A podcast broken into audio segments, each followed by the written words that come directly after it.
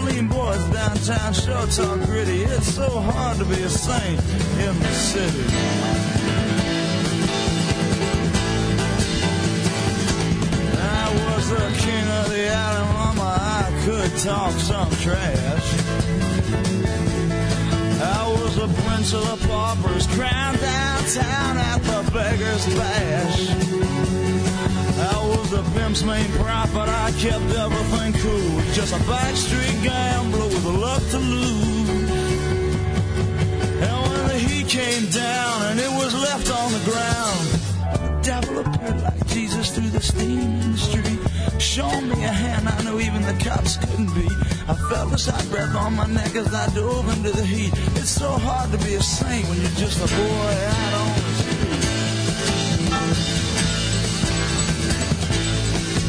The sages of the subway sit just like the living dead. As the tracks clack out the rhythm, their eyes fixed straight ahead. They ride the line of balance and hold on by just a thread. But it's too hot in these tunnels, you can get hit up by the heat. You get up to get out at your next stop, and they push you back down in your seat. Your heart starts beating faster as you struggle to your feet. You're out of. Back up on the street, and well, Southside sisters sure look pretty. The cripple on the corner cries out nickels for your pity. Them downtown boys, they sure talk gritty. It's so hard to be a saint in the city.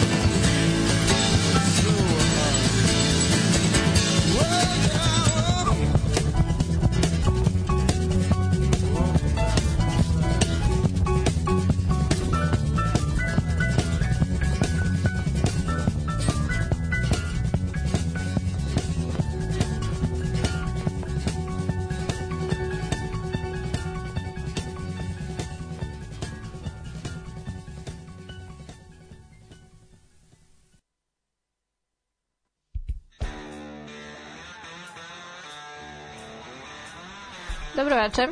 A, slušate 92. epizodu večernje škole nakon ponovo male pauze. E sad nemam neki mnogo smislen uvod, a večeras ću vam pričati o prvoj, ka, sa kako bih rekla, prvoj selekciji kao najboljih debi albuma ikada, pošto zaista često kada vam spremamo čemu ću vam govoriti se ispostavi da data pesma koju sam izabrala od nekoga se našla na njihovom prvom albumu i planirala sam dugo da napravim neki izbor, a eto, uh, htela sam nekako da ubacim Springsteena večeras u to če, o čemu ću pričati, pošto ovaj, znate da sam bila prošle nedelje, a, tako da, eto, uh, o tome ćemo malo uh, govoriti večeras.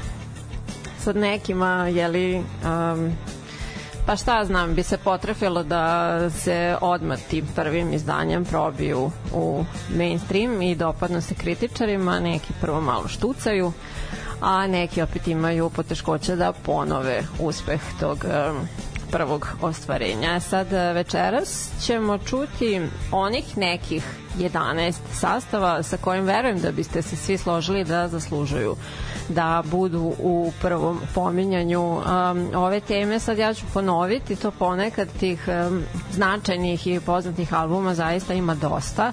Ima baš i nekih zvaničnih lista, ne znam, magazina Rolling Stone klasika i onaj Ultimate Classic Rock koje ja pratim kada se pripremam za emisiju koje budu onako a, poređane po nekoj hijerarhijskoj važnosti, šta znam sad a, imala sam neke ideje šta bih vam pominjala, a neke sam onda potražila opet tu. E sad, nisam primetila na ovim listama da se uh, Greetings from As Asbury Park pardon, a, našla na tim nekima na kojima sam bacila pogled, ali eto, kao što rekoh, odatle odatle je proistekla moja inicijalna ideja. Um, dakle, bio je to jeli, taj album kada je sve počelo pre tačno 50 godina. Um, on se prodavao osrednje, po izlasku, ali su ocene bile fantastične, mislim na ocene kritičara i muzičkih znalaca. Neki, neka sića je bila kao budžet kojim se raspolagalo za snimanje ovog albuma i Bruceovi i menadžer i producent su preferirali njegove solo numere a on je e, bio naklonjeniji onim pesmama koje je radio zajedno sa bendom. E, te na kraju su postigli neki kompromis da se na njemu našlo pet jednih i pet drugih. Međutim, a, tadašnji predsednik Columbia Recordsa je smatrao da albumu fali neki bombastični hit single i odbio je da ga objavi. E sad, Bruce je tada na brzinu napisao Spirit in the Night i Blinded by the Light i snimio ih naknadno i to je onda bilo to. E sad, uh, It's Hard to be a Saint in the City, uh, koju sam vam pustila, govori o nekom gradskom momku koji se trudi da živi po već kakvim ustaljenim pravilima, ali mu to sad ne ustava baš uvek. Uh, i bila je to ova stvar koja je zapravo impresionirala uh, producenta Marka Apple-a toliko da je on napustio svoj dotadašnji posao i postao Springsteenov menadžer, iako ovaj nije još tada imao potpisan ugovor sa izdavačkom kompanijom. A takođe je uh, tu istu numeru svirao na audiciji za CBS i dobio potom i taj prvi ugovor. A zašto sam zapravo i se više najviše odlučila za ovu pesmu sa tog albuma zato što David Bowie ima jako lepu obradu kojom sam vam nekom prilikom davno čini mi se i pustila. Tako da u sledećih sat vremena prvo izdanje e, teme kao najbolji debi albumi ikada. Uživajte. Got this in pocket cantado. I'm gonna use it. Intention of feeling. Gonna make you, make you, make you notice. Got motion, restrained emotion. I've been diving,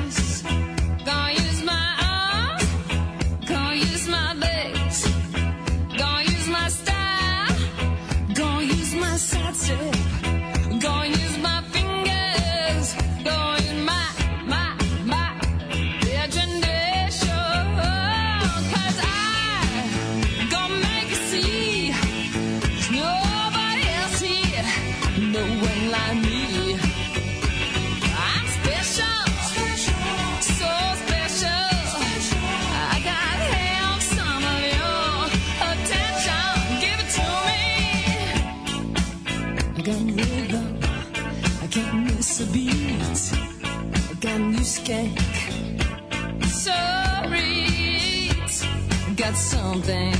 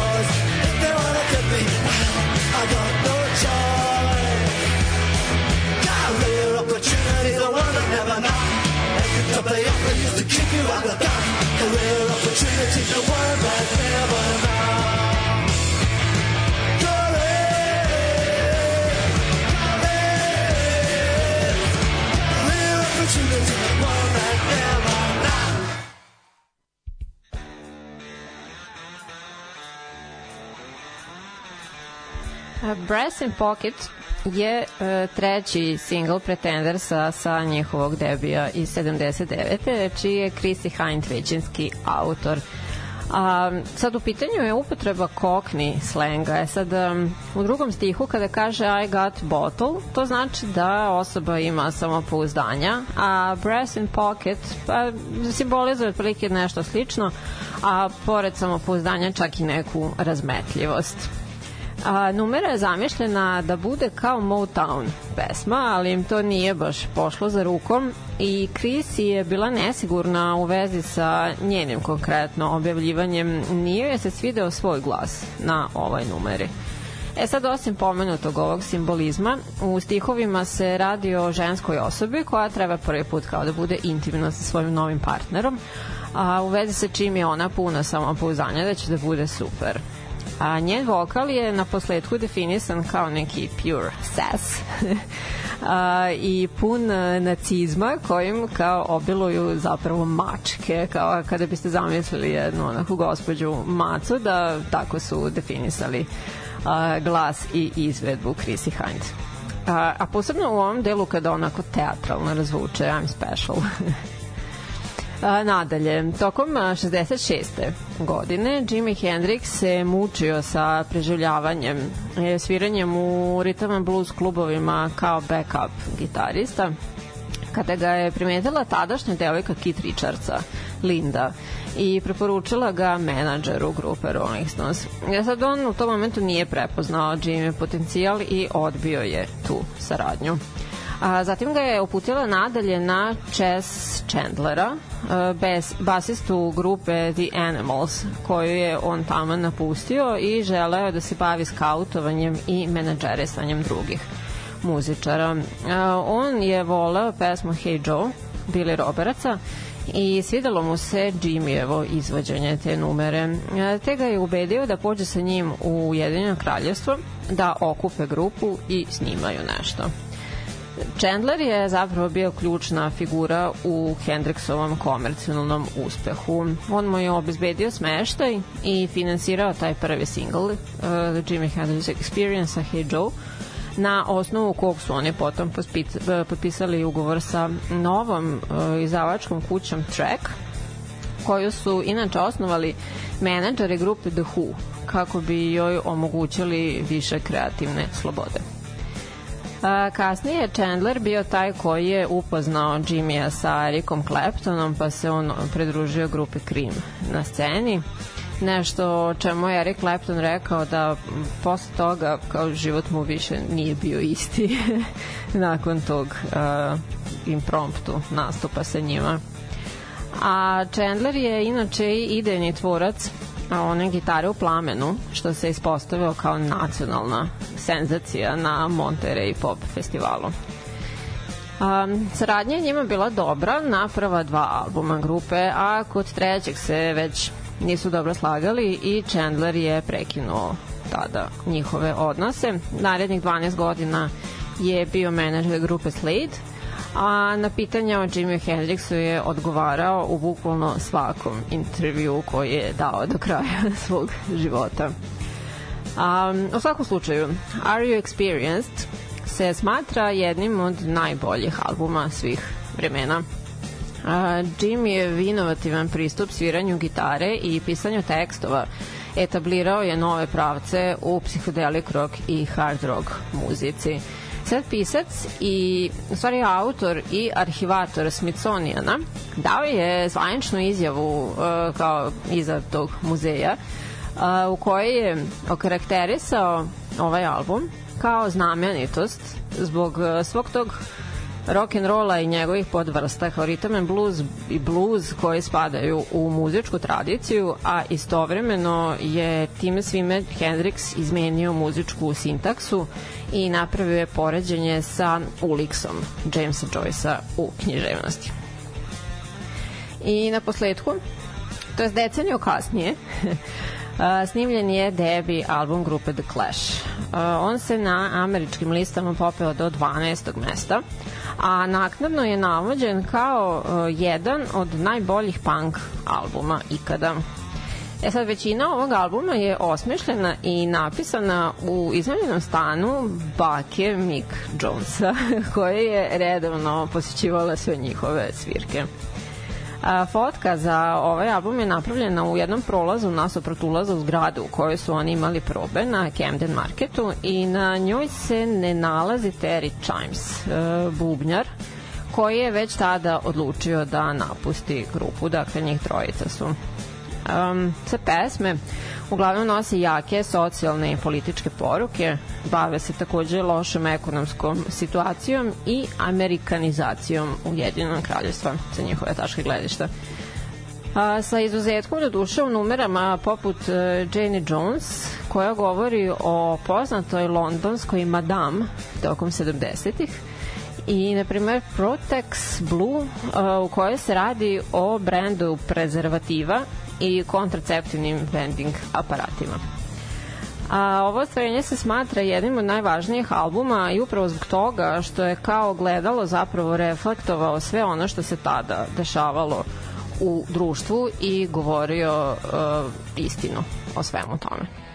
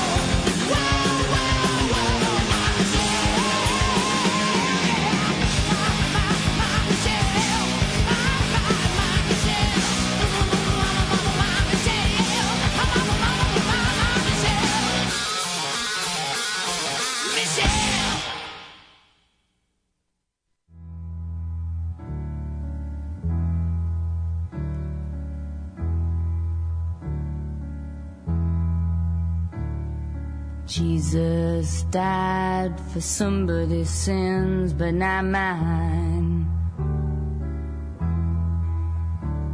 Milton, pot thieves, wild card of my sleeve, thick.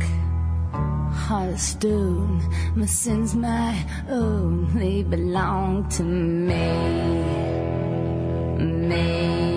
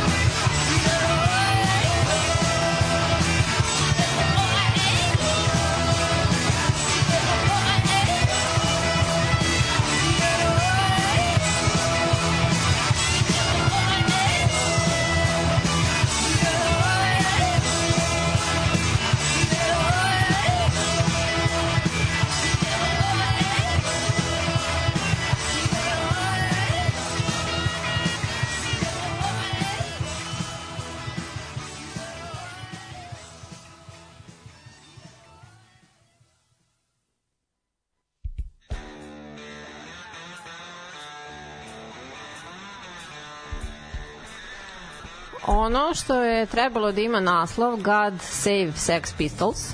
Preimenovano je u Nevermind Bollocks Here's the Sex Pistols koju je tu um, taj deo, kako da kažem, tu neku izreku a, je Steve Jones čuo od dvojice fanova koji su se stalno nešto dobacivali tom frazom na nekoj svirci i to mu je tako ostalo. E sad, bio album Pistols? Šta reći? Odakle? početi. Um, u suštini smatra se da posle ovog ostvarenja više nije bilo isto.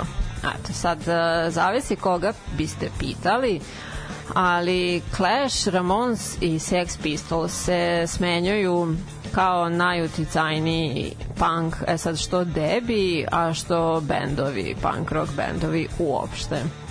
I pre nego što je ovaj album izašao, Pistolsi su već bili kontroverzan sastav dosta, koristili su neprimeren jezik na uživo televiziji, bili su otpušteni iz dve diskografske kuće i banovani iz pojedinih delova Ujedinjenog kraljevstva za nastupe.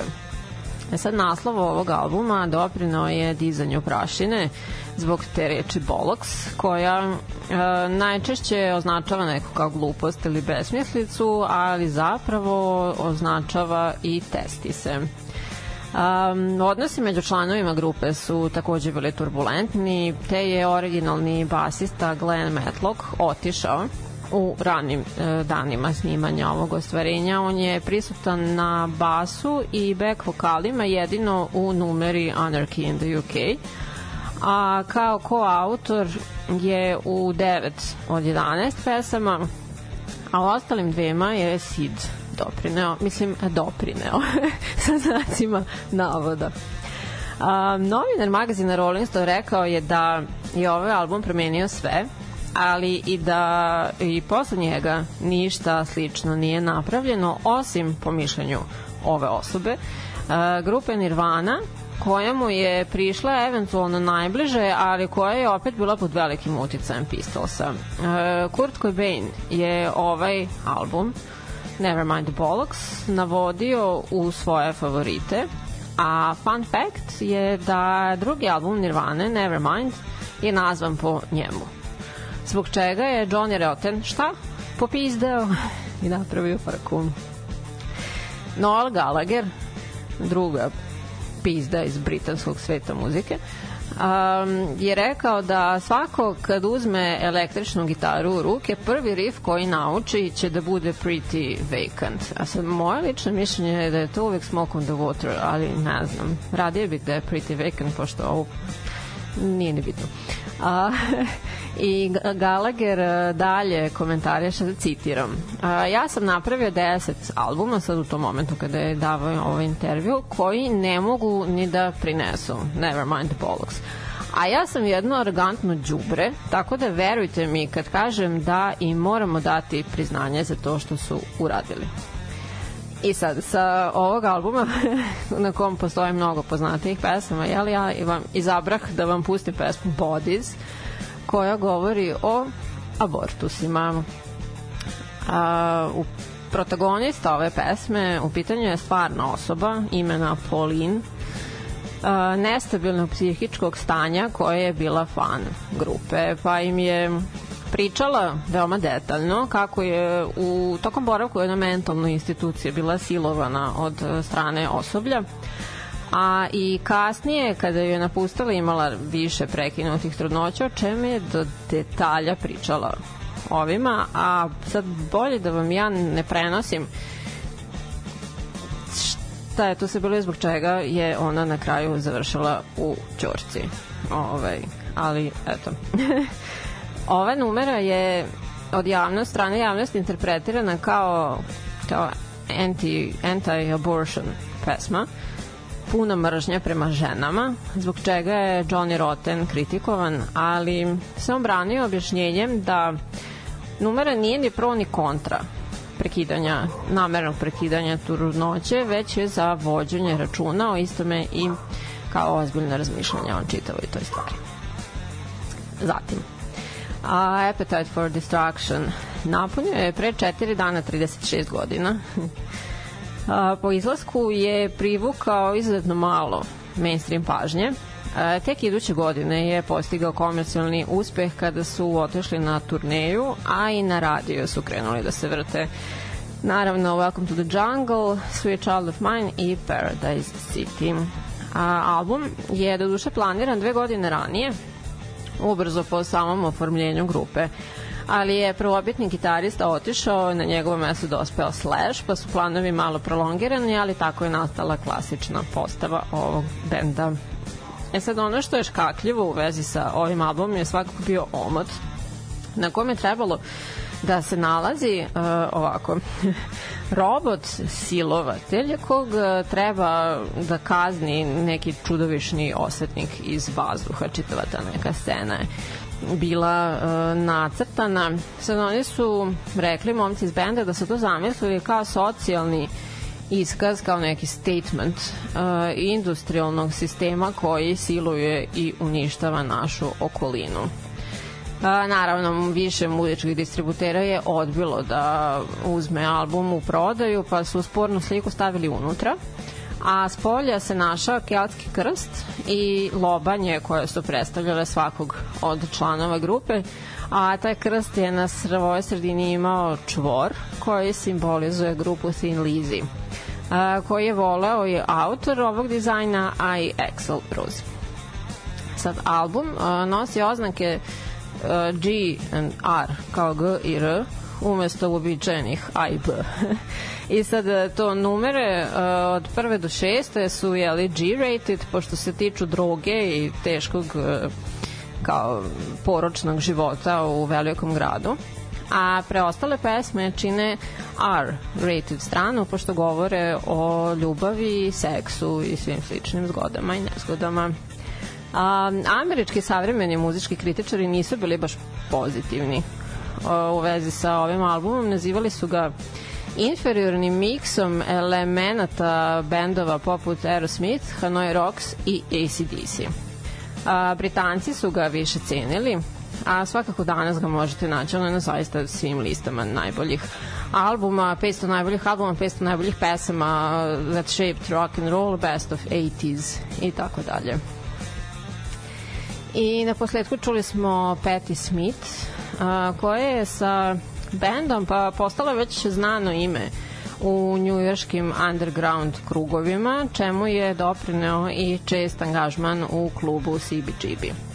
A impresioniran jednim od tih njenih nastupa prišao je scout uh, Arista Recordsa i ponudio je ugovor na čak sedam albuma.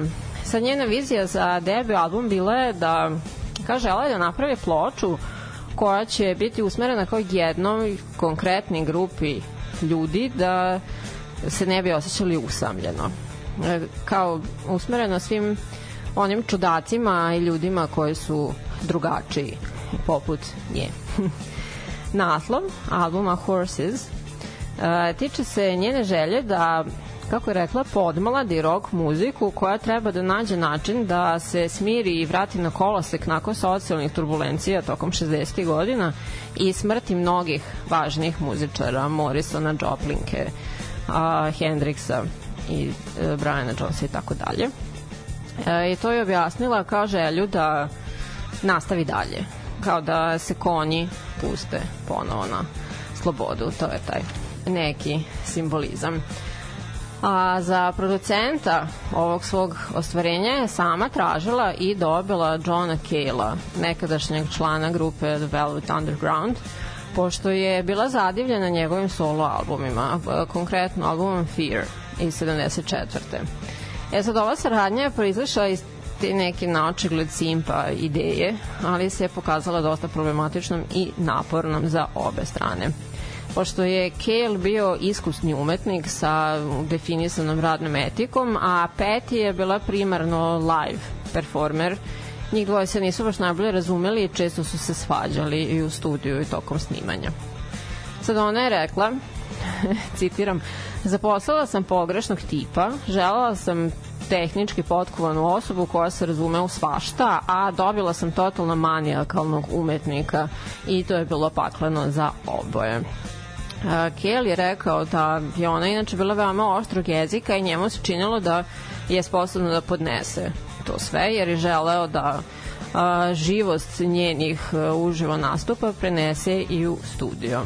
E sad na posledku je ona ipak izrazila zahvalnost njemu pošto je izvukao najbolje iz nje njenog benda i njihovih kao iskrenih tada još adolescenskih mana. Uh, album Horses napravio je kraljicom punk muzike, kako su je karakterisali i rekli su u svakom slučaju da je to varnica koja je okinula punk eksploziju. Uh, Suzy Q, Courtney Love i PJ Harvey, ali i Morris i Johnny Marr su se ugledali značajno na ovo ostvarenje.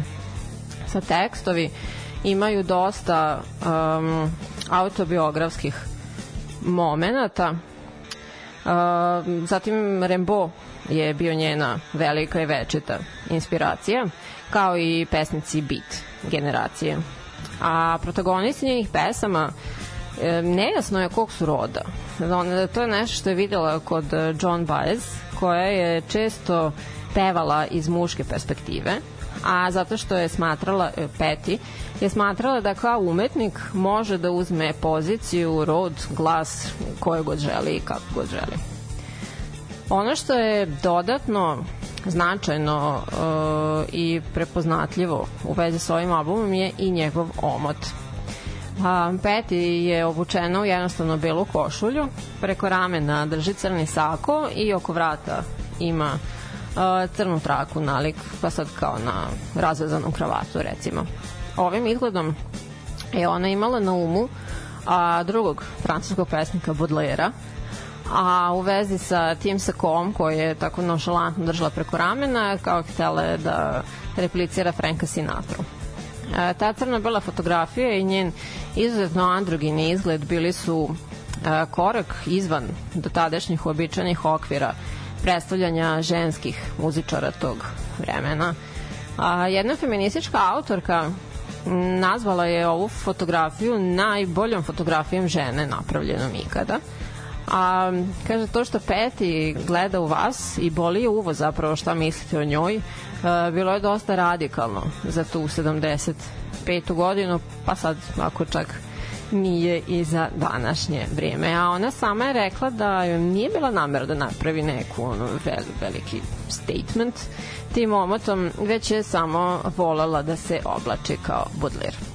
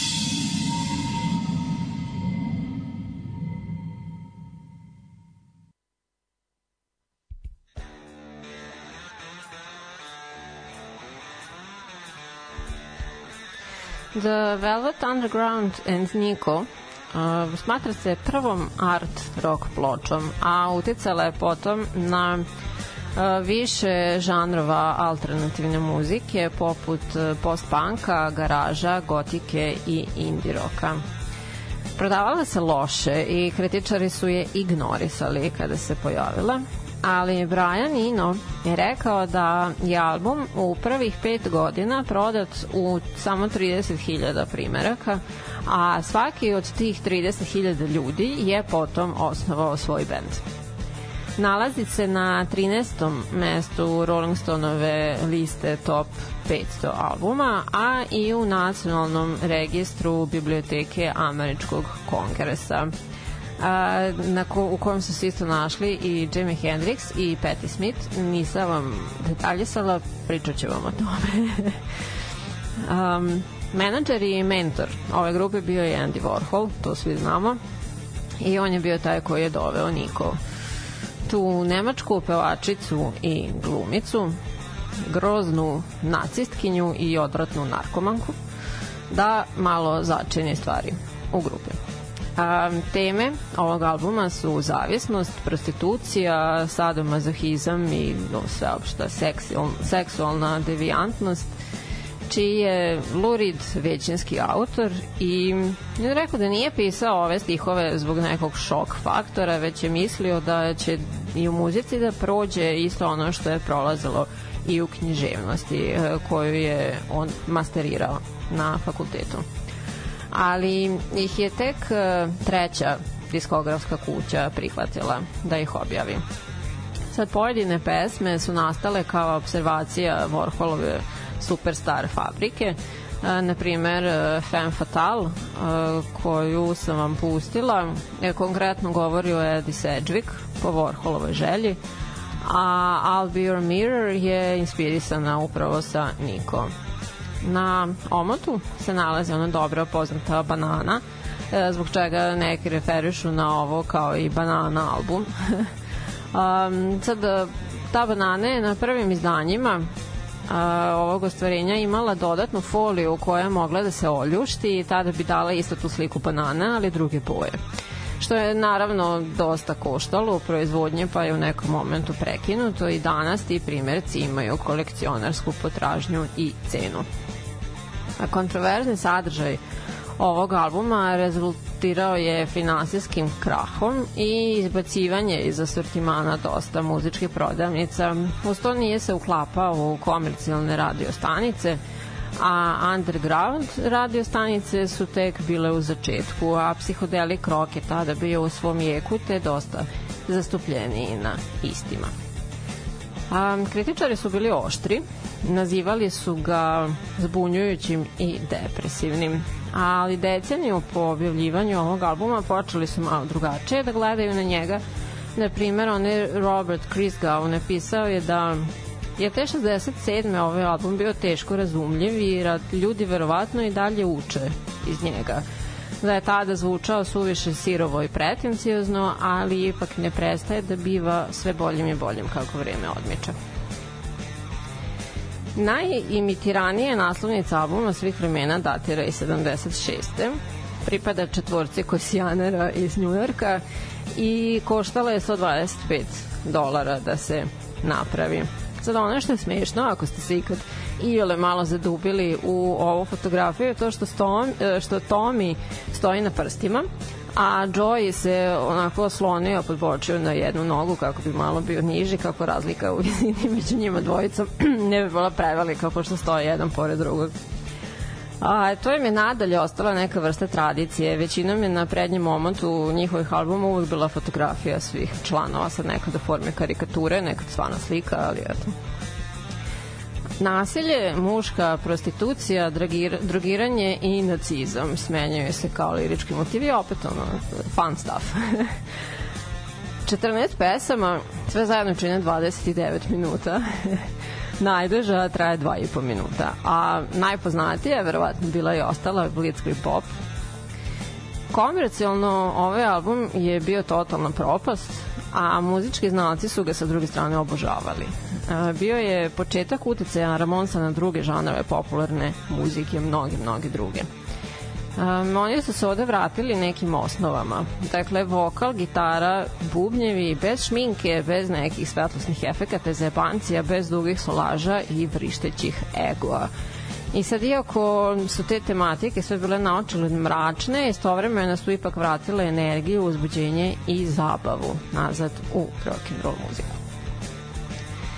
A, tokom prvog talasa punk roka, Bernard Sumner i Peter Hook. Nezavisno jedan od drugog su bili na istoj svirci Sex Pistolsa u Manchesteru. Svidela im se njihova brzina, jednostavnost i agresija. A, Steven Morris zauzima potom bubnjeve, a Ian Curtis je prošao audiciju za pevača i tako nastade Joy Division. Oni su se najpravo, e, najpre zvali Warsaw po pesmi Davida Bovija, ali je postojao a, još jedan band tog naziva, pa su se onda preimenovali. Unknown Pleasures je pun nekonvencionalnih tehnika snimanja. E, na primjer, evo, izdvojila sam za numeru Insight. Snimili su Curtisov vokal preko telefonske žice, tokom telefonskog poziva, ne znam kako bih rekla, a, kako bi on zvučao sa željene distance što su želeli da postignu sa njima samima su mišljenja oko ovog albuma bila podeljena oko tog finalnog proizvoda. Morris i Kerti su bili zadovoljni, a Hook nije voleo to mračno, depresivno raspoloženje koje ga je asociralo na Floyde. Omot ovog albuma je ljudima možda poznatiji nego same pesme. Na njemu to je duhromatski prikaz radio talasa. Sad ovako, um, uznemirujuć, emocionalan, teatralan, romantičan, klaustrofobičan su samo neki od epiteta koji njega karakterišu, pa eto vi izaberite. I jedini je album koji su stigli da objave pre Kertisovog samoubistva u 23. godini samo. A, to je to za večeras. Hvala na slušanju. Nadam se da vam se svidelo. Mislim, meni je bilo super interesantno, iako jesu onako dosta poznate stvari.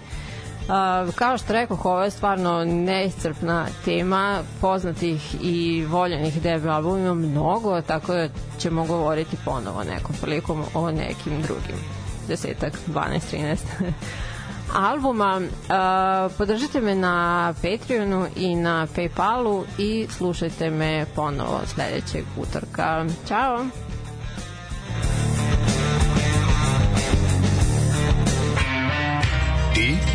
Večernju školu slušaš?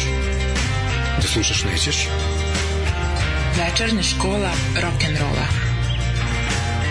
Večernja škola. Večernja škola. Večernja škola rock'n'rolla. Utorkom. U 8.